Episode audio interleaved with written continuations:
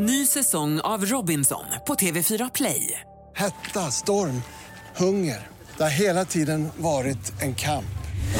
Nu är det blod och tårar. Fan händer just nu. Det. Detta är inte okej. Robinson 2024, nu fucking kör vi!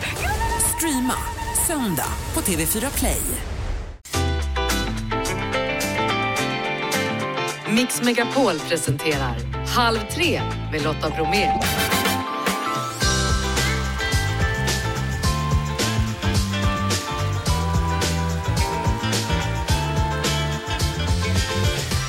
Applåder och varmt välkommen in i Halv tre-studion. Det är en ny vecka och det är en måndagsmix. Artisten Andreas Wik kan bli kvällens vinnare på QX-galan. Vinterbadande Ulrika berättar om tjusningen. 16-åriga Maria Sur flydde kriget i Ukraina. Nu är hon 17 och tävlar i Svenska Mello på lördag.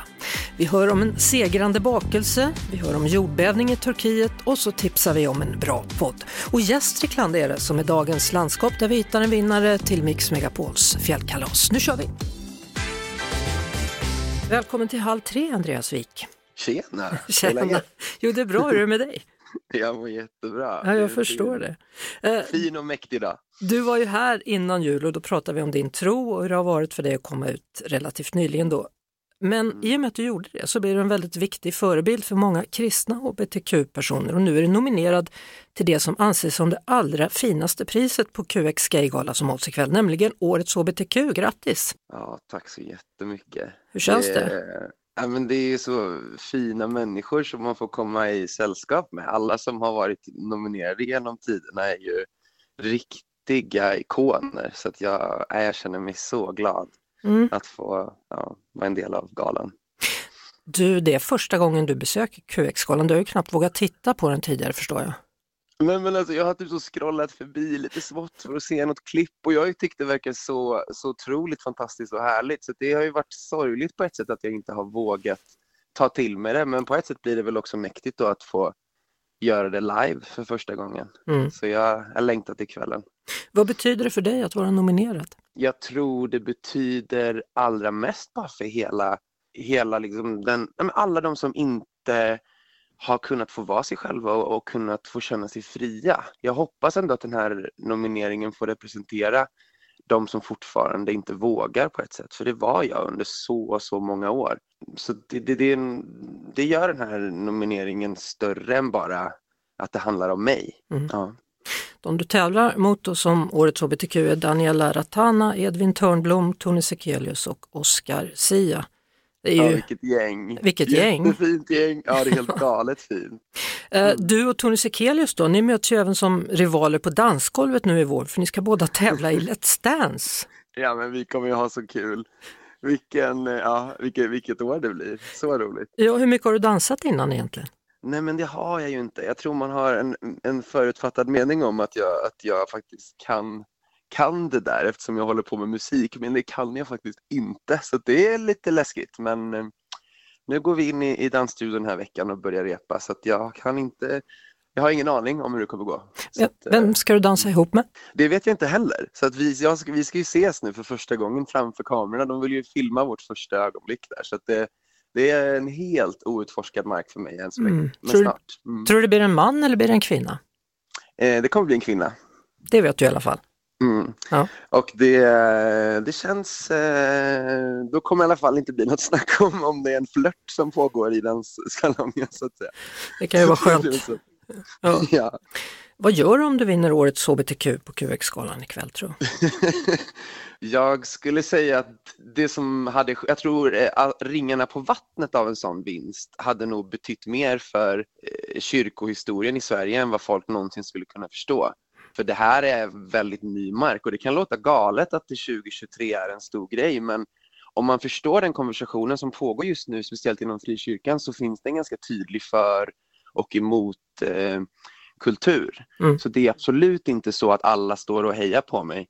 Men det är jättemånga som gör det, samtidigt som det är jättemånga som är totalt emot. Så jag skulle säga att det är nog det största som skulle ske av en vinst. Men nomineringen nog, bara det har satt sin lilla nål på kartan så att säga.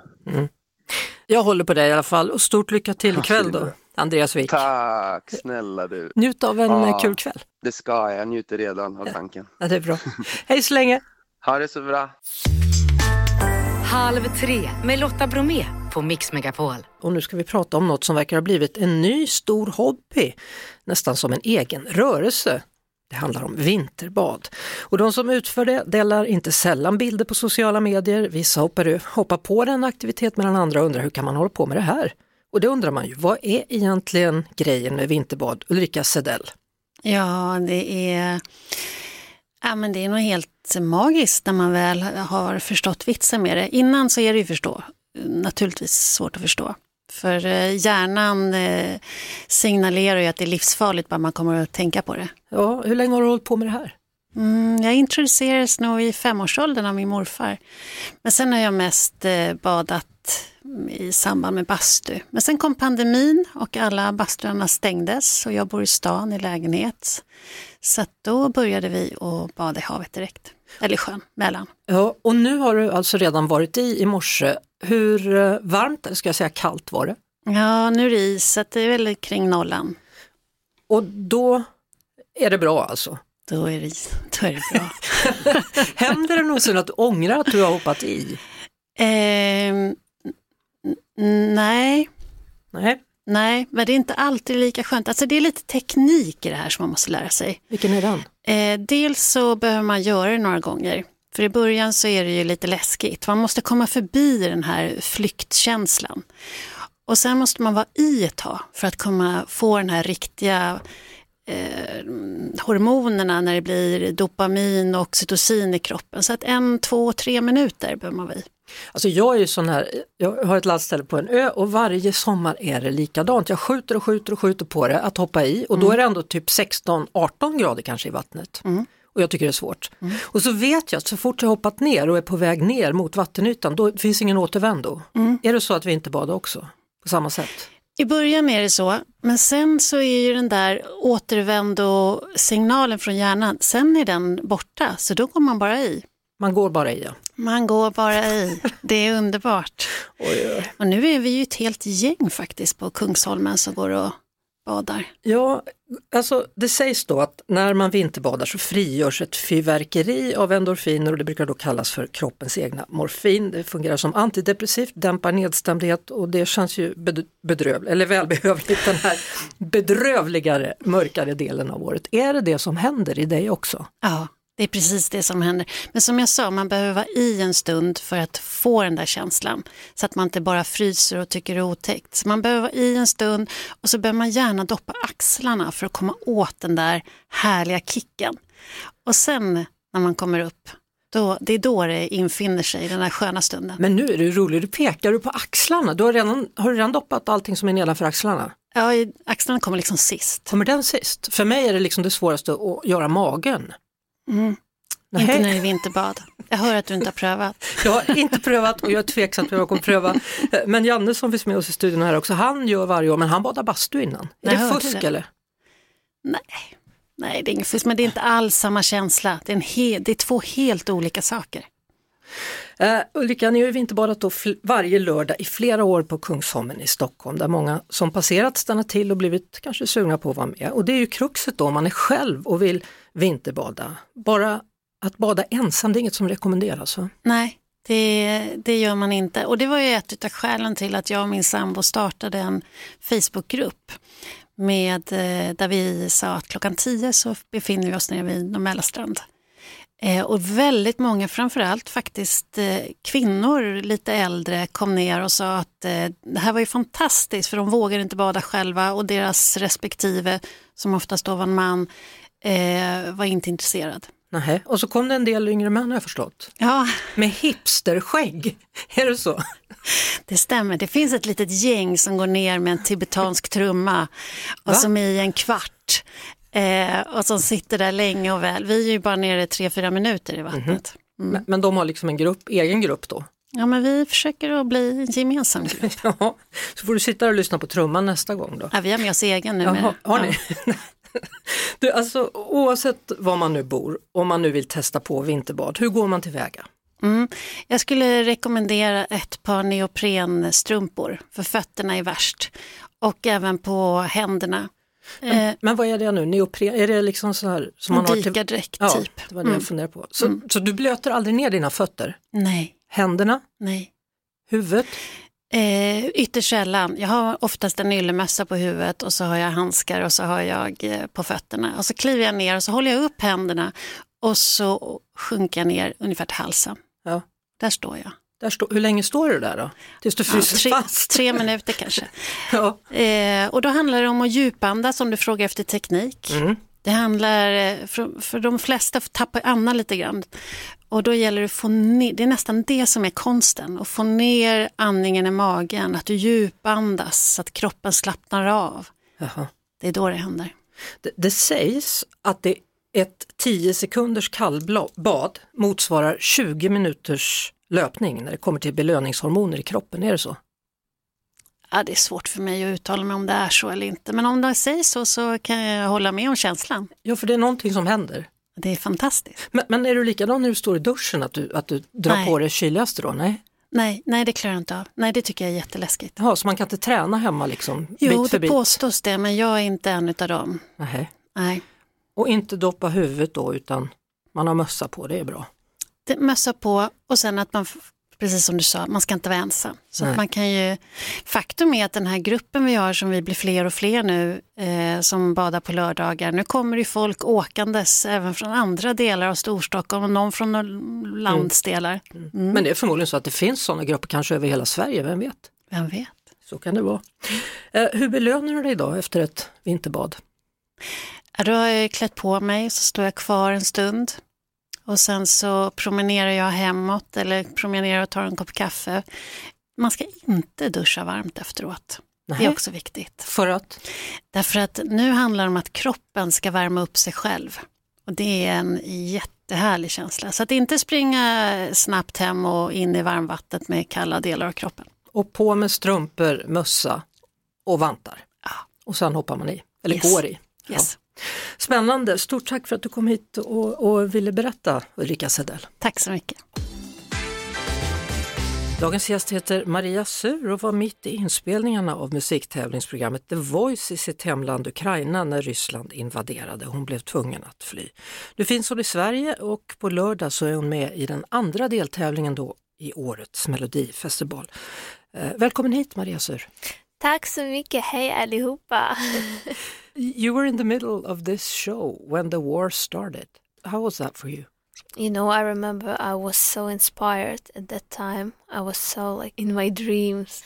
Felt like now my career has been started and a high point of my life. But everything been changed. Maria berättar att allting liksom vältes över ända. Hon var mitt uppe i sin dröm då när hon var med i The Voice i Ukraina. Och så kom då ryssarna och invaderade och när hon då trodde att hon liksom var på höjdpunkten av sitt liv så blev verkligheten en hel annan. Kommer hon ihåg den dagen då det hände? Yeah, it was a usual day, but at the morning, mass media and uh, our teachers started telling to us this, and we were so shocked. We, of course, we couldn't get it at all because we were 16 years old, like, and we not a political people at all, and we, I really couldn't understand anything, and uh, we we just didn't know what's gonna be with us in the future. Helt plötsligt började lärare och massmedia prata då om invasionen från Ryssland och hon sa att det var väldigt svårt att förstå i början för hon var bara 16 precis som sina klasskamrater. och Ingen förstod liksom vidden av att ryssarna kom in och tog över delar av Ukraina everything was good and uh, we just live our lives like everyone Innan allt sammans hände så levde hon ett glatt liv utan oro. Sen flydde hon då med sin mamma till Polen där de bodde några veckor och sen åkte de vidare då till sin moster i Sverige. after two weeks of the war we really didn't want to move it was a really hard decision for us because we are so close to each other my mom and dad and me but at the end like my parents decided that we have to move because of the safe place. They wanted a good future for me. And um, yeah i remember this line when the people stands waiting for the evacuation train and everyone was so you know everyone was saying bye to their families and everyone was crying. And it it it's really horrible memory. The train was fully by women and children. like everyone lay down on the floor because it was so many so many people inside then we were i think 10 days at poland because we were just thinking that the war is gonna over soon and then we can just get back home Maria och hennes mamma flydde då alltså till Polen och hon minns när det var en kö när så många som möjligt ville på det här tåget för att åka vidare. Då. Det var både barn och kvinnor. Och sen så hamnade hon i Polen och trodde att det skulle räcka med att vara där i två veckor för att kriget skulle väl ändå ta slut. Men så blev det ju inte utan allt sammans fortsatte. we were just like thinking that the war is gonna over soon and we can just get back then but it didn't happen and my aunt from sweden from stockholm asking us all the time and uh, then when we realized that it's not over in now we decided to, to move to sweden That's the way med Maria Sur. Det är Maria Sur som är dagens gäst då här i Halv tre. Hon ska vara med i Melodifestivalen på lördag, den svenska Melodifestivalen deltävling nummer två med en låt som heter Never Give Up.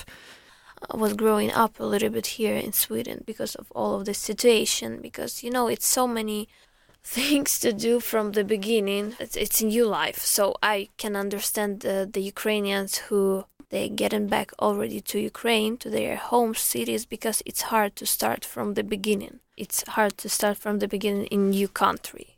New language with new people with new with everything new I mean. Hon berättar att hon känner att hon har blivit vuxen lite fortare här på plats i Sverige då. Eh, men det har varit som att få börja om från noll så hon är inte förvånad att en del av hennes vänner som också hade flytt Ukraina nu har återvänt hem för att det är tungt att behöva starta med ingenting på en helt ny plats. Hur är det med musiken då? Har den hjälpt henne i den här trassliga, fruktansvärda situationen? it definitely helps me a lot. It heals me a lot, and it's the only thing that I can, you know, do and don't think about these bad things.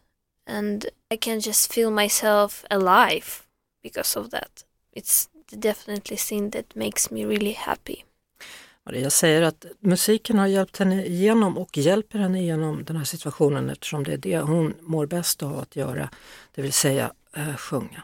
Hon tog ju kontakt med flera olika artister när de kom till Sverige och det var en av dem som svarade, Sarah Dawn Finer nämligen.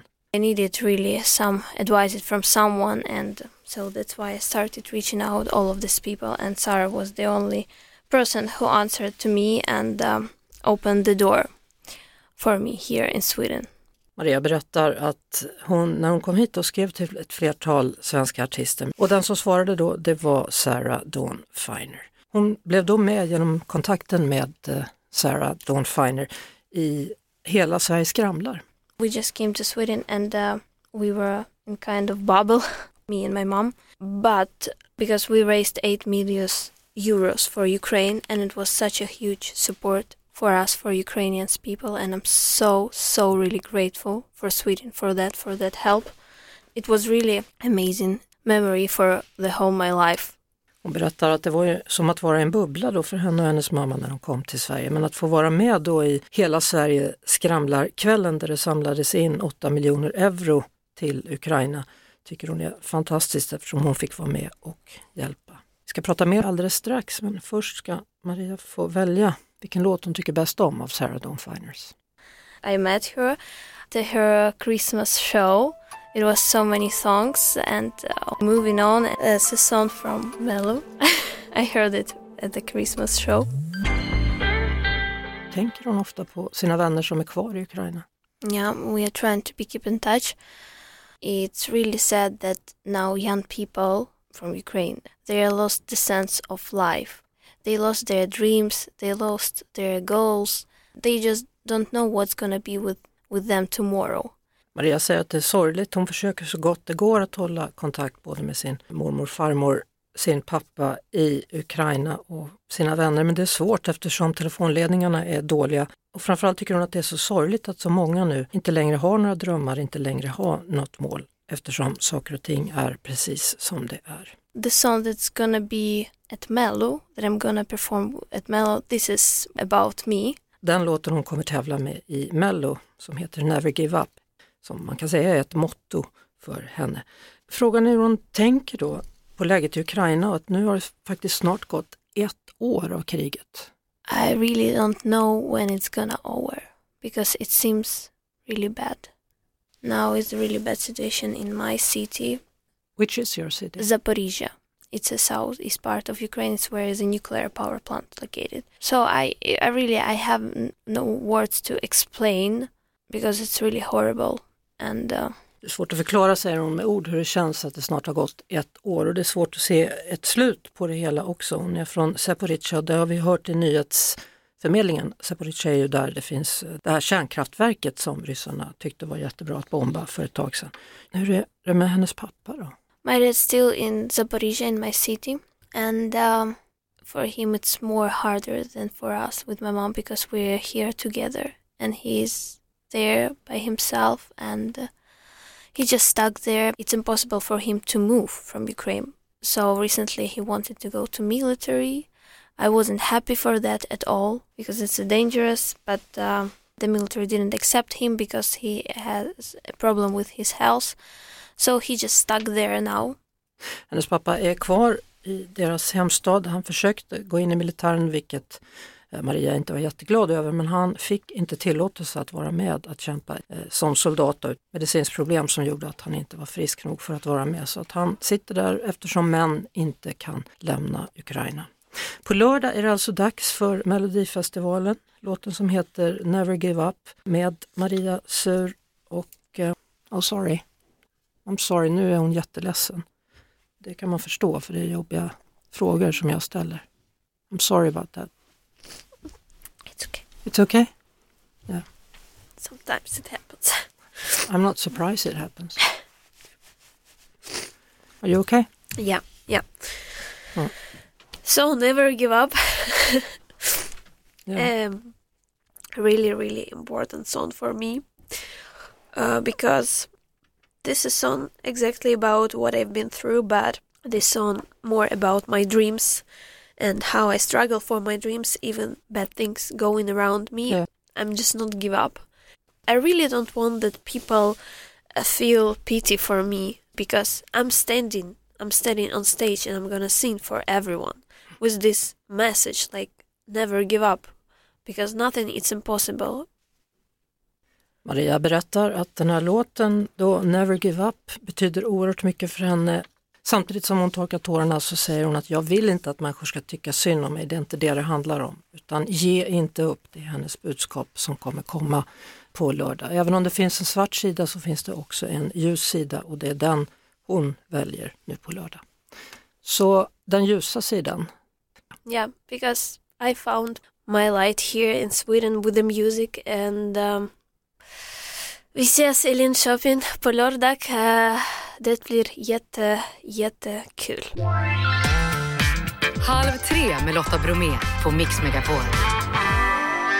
Vi konstaterar att en tävling på Tranellska gymnasiet i Västerås har avgjort vilken bakelse som ska serveras till lunchen när det är dags för 400, 400-årsjubileet av Sveriges första gymnasium som också låg då i Västerås, Rudbeckius gymnasiet. Och vinnaren blev Caden Stenholm. Hallå där! Hej! Hur kändes det att vinna det här och stort grattis! Eh, tack, det kändes bra. Jag varit glad.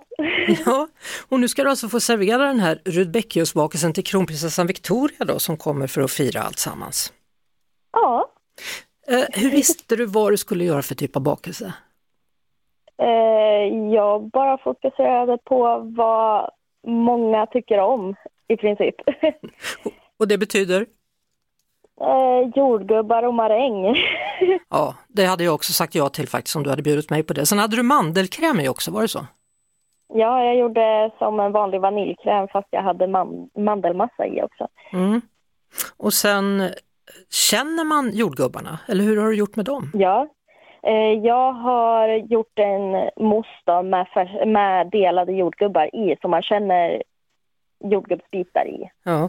N- när du säger eh, maräng, är Dakes botten, är det liksom ett finare ord för maräng? Det är en eh, marängbotten med mandelmjöl i. Så det är en mandelmarängbotten, så den är lite seg. Ja, och då får du liksom olika delar då av den här bakelsen som låter som fantastiskt bra. Mm. Du, vad är din dröm fram- framöver och vad vill du jobba med när du är klar med din utbildning? Jag, jag vill ju jobba med allt möjligt. Alltså eh, det här konditori och bageri. Mm. Eh, I ungefär fem tio år, kanske längre. För Mm. att i framtiden skulle jag vilja öppna mitt eget. Ja, ja, så du tänker att du jobbar in dig i branschen? Ja, Det så låter, att väl jag som har lite erfarenhet liksom. ja, det låter väl som en jättebra idé. Det finns ju många sådana här tävlingar, Årets konditor och Årets bagare och så vidare. Ja, jo, jag vet. Men jag, det här är nog enda gången jag tävlar, i alla fall som jag känner nu. Alltså, var, det, var det stressigt eller? Nej, det är bara, jag ville bara prova att tävla, känna hur det känns, men jag var på tok för nervös. Jaha, men ändå gick det ju så bra. Det kanske är mindre nervöst nästa gång då? Ja, det kanske är, men det, jag har lite svårt för tidspress. Vi tar en sak i taget. Stort grattis till den här vinsten i alla fall, Keiden Stenholm. Ja, tack så mycket. Och lycka till med framtiden då. Ja, tack. Halv tre med Lotta Bromé på Mix Megapol. Natten mot idag så inträffade ett jordskalv på gränsen mellan Turkiet och Syrien. Och man pratar om magnituden då att den var 7,8 och vid lunch så rapporterades om ännu ett skalv i området och denna gång då med 7,7 i magnitud. Och alldeles nyss så meddelade AP att 2300 människor är deklarerade döda men siffran stiger hela tiden. Med oss nu seismolog Björn Lund vid Uppsala universitet. Välkommen till Halv tre. Tack så du ha. Ja du, brukar det vara så här kraftiga skalv? De här jordbävningarna är ju ovanligt stora och, framförallt är de ovanliga på land.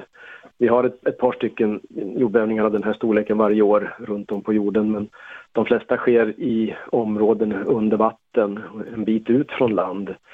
Ehm, så det gör inte sån skada, sån direkt skada som det har gjort i det här fallet och när de sker på land. Hur, hur kommer det sig att det blir ett sånt här kraftigt skalv i just det här området? Här går en gräns mellan två olika tektoniska plattor. Turkiet är lite speciellt. Det är en, en mikroplatta, nästan bara Turkiet i sig, som trycks på från söder. Där kommer den afrikanska plattan och från sydost så kommer um, den arabiska plattan och trycker Turkiet upp mot Eurasien. Så hela Turkiet rör sig faktiskt västerut lite sakta. Och en av de stora gränserna går precis där de här två stora jordbävningarna inträffade idag. Det som hände strax innan lunch här då, är det ett efterskalv eller är det ytterligare en jordbävning? Ja, det är väl lite semantiskt vad man vill kalla det. det är, vi, vi brukar kalla dem för dubbletter när det kommer två stycken så här pass stora skalv eh, i, nära efter varandra i tid. Det är ju delvis ett efterskalv för att det hade kanske inte inträffat just nu om inte det första skalvet hade skett. Så det första skalvet har tryckt på den här biten på jordskorpan också och gjort att det andra skalvet har inträffat. Men det hade förmodligen inträffat i alla fall, men kanske inte den här veckan och kanske inte i år överhuvudtaget utan det fick en extra knuff då av det första. Mm. När du tittar på dina seismologiska instrument och så då, hur många beräknas påverkade av skalven? Hur, hur långt når det här egentligen? Vi har ju fått in rapporter då från stora delar av, av Mellanöstern. Det har ju uh, känts mer än tusen kilometer bort. Så vi, människor både från Iran och Egypten och Rumänien och Balkan som har rapporterat att de har känt det. Men det förstås skakat som mest i, i Turkiet och Syrien och i Libanon också så vaknade man i Beirut till exempel i natt av skakningarna. Mm. Nu talas det då om 2300 döda och det är väl en siffra som lär stiga eller vad tror du?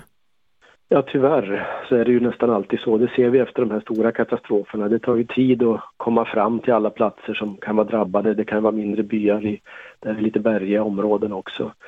Och sen ska man leta och hitta och, och, försöka bestämma sig för hur många människor som kan ha försvunnit i rasmassor och sådär. Så att det är ju tyvärr tar det ganska lång tid innan, innan man får de slutgiltiga siffrorna om, om man ens får några som är helt sanna. Det, det blir mm. uppskattningar till slut i alla fall. Kan man vänta sig fler skalv? Ja, fler efterskalv kommer det definitivt att bli. Nu hade vi väl kanske inte trott ens att det skulle bli ett andra så pass stort skalv som det blev. Och det är fortfarande det mest sannolika att vi inte får fler så här stora skalv. Men efterskalv kommer att bli, de kommer att fortsätta i månader och kanske in på nästa år också. vilket kommer göra då räddningsarbetet eh, ytterligare försvårat framöver.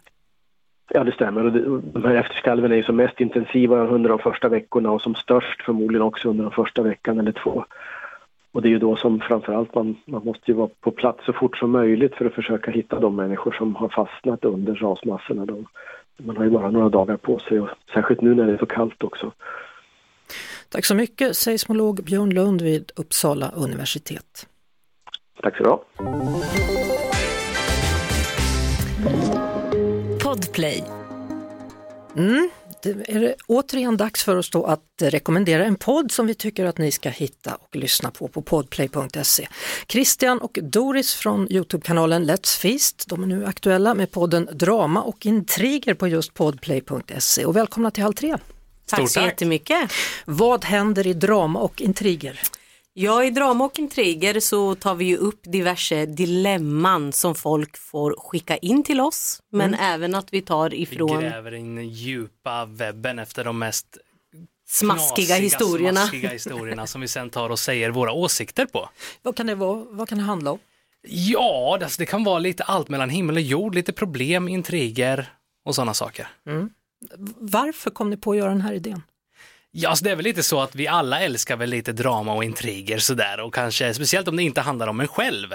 Och eh, när vi då läser upp våra historier så kan man helt enkelt sätta sig in i situationerna och ja, vi alla är olika, har olika åsikter och eh, Man ja. kan relatera till mycket det vi tar upp. Så ska vi pröva då, så är jag med er? Det tycker jag Så får vi se absolut. om, om jag har någon åsikt om detta då, då ber vi Dilemmamannen att eh, ge oss dagens dilemma. Hej! Jag har lite av ett dilemma och vet inte hur jag ska ta tag i detta problem. Jag bor i lägenhet och för två månader sedan flyttade in grannar ovanför mig och sedan dess har jag inte fått sova en enda hel natt utan att bli störd. Lite spännande har de då om man säger så. Vad ska jag göra? Ska jag strunta i det eller konfrontera dem angående detta? Vad hade ni gjort? Ja, vad hade vi gjort? Vad hade ni gjort? Ja, sen är det väldigt svår för man kan ju knacka på men det kan ju lätt bli väldigt pinsamt. Ja precis, du kan ju lämna en lapp kanske. Det är väl det, är väl det klassiska, liksom lämna en lapp i, i hissen liksom där. Ja, det är smart, men man ska väl ändå skriva trevligt eller försöka, det, kan bli, det är en väldigt känslig grej. Eller så går du bara, du tar tjuren vid horna. Du går och knackar på och säger ja, att nu, nu får ni dämpa er. För någon, ja, någon, nå, någonting måste man ju göra om man inte kan sova varje kväll i två månader. Man ringer polisen helt enkelt och säger hallå, är det störningsjouren? precis. ja, det funkar ju också.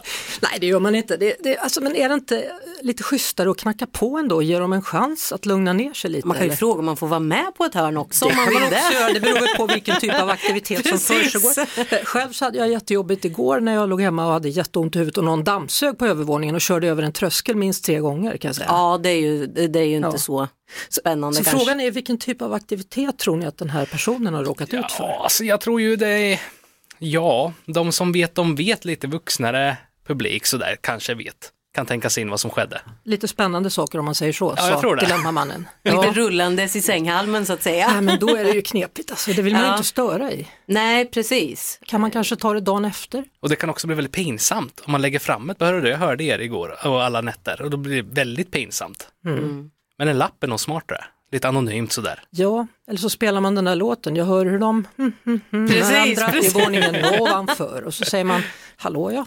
Ja. Ja, så gör man. Hur brukar det bli sen då när ni väl har haft det här dilemmat i er podd? Skriver folk då tacka för hjälpen eller hittar ni på något nytt eller får in fler tips? Ja, vi brukar få faktiskt in väl ganska mycket tack av folk som har, har hjälpt. Det är många, några som har skrivit att de har kanske haft problem med ett förhållande. Väldigt destruktivt men inte vet hur de ska ta, ta sig ut och vi har sagt våra åsikter. Det är ju inte all, all, alltid nödvändigtvis rätt liksom men eh, det har upp, uppskattats. Härligt.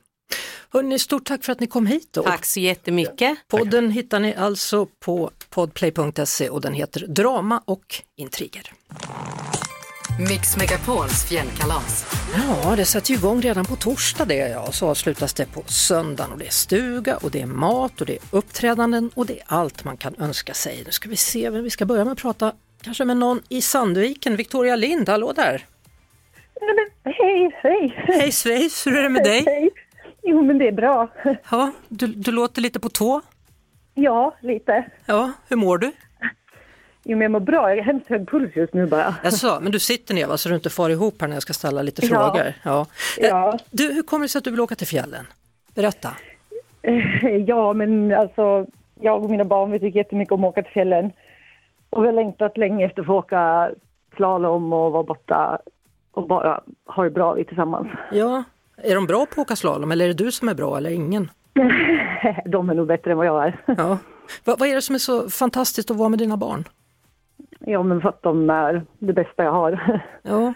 Är det de som Mm. åker med dig då i så fall om det blir du som ja, vinner? absolut. Ja. Ja. Hur skulle det vara Absolut. att kolla in fjällen? Ja, fantastiskt att få göra det med dem också. Ja. Det känns Åh. nästan som det nästan skulle vara magiskt, eller? Ja, det skulle det vara. Helt magiskt, verkligen. Vill du att jag ska trolla eller? Ja, det vill jag. Ja. Stort varsågod. Stort varsågod. Du får resa med dina barn till fjällen. Alltså tack, tack, tack, tack så mycket. Känns det bra? Ja, det känns jättebra. Ja, du får säga till dem när de kommer hem sen då. Jag bara, ja, precis. De sitter nog och lyssnar tror jag. Ja, vad bra. Men då är det bara att säga Ja. grattis och så ses vi då på torsdag när du kommer upp på Ja, fjällkalaset. Ja, Ja, det gör vi. Grattis tack så igen då, Victoria. Tack, tack. varsågod. Hej då! Tack. Det var det. Vi hörs såklart igen på Mix Megapol varje eftermiddag vid halv tre. Ett poddtips från Podplay. I fallen jag aldrig glömmer djupdyker Hasse Aro i arbetet bakom några av Sveriges mest uppseendeväckande brottsutredningar. Går vi in med hemlig telefonavlyssning och, och då upplever vi att vi får en total förändring av hans beteende. Vad är det som händer nu? Vem är det som läcker? Och så säger han att jag är kriminell, jag har varit kriminell i hela mitt liv men att mörda ett barn, där går min gräns. Nya säsongen av Fallen jag aldrig glömmer på Podplay.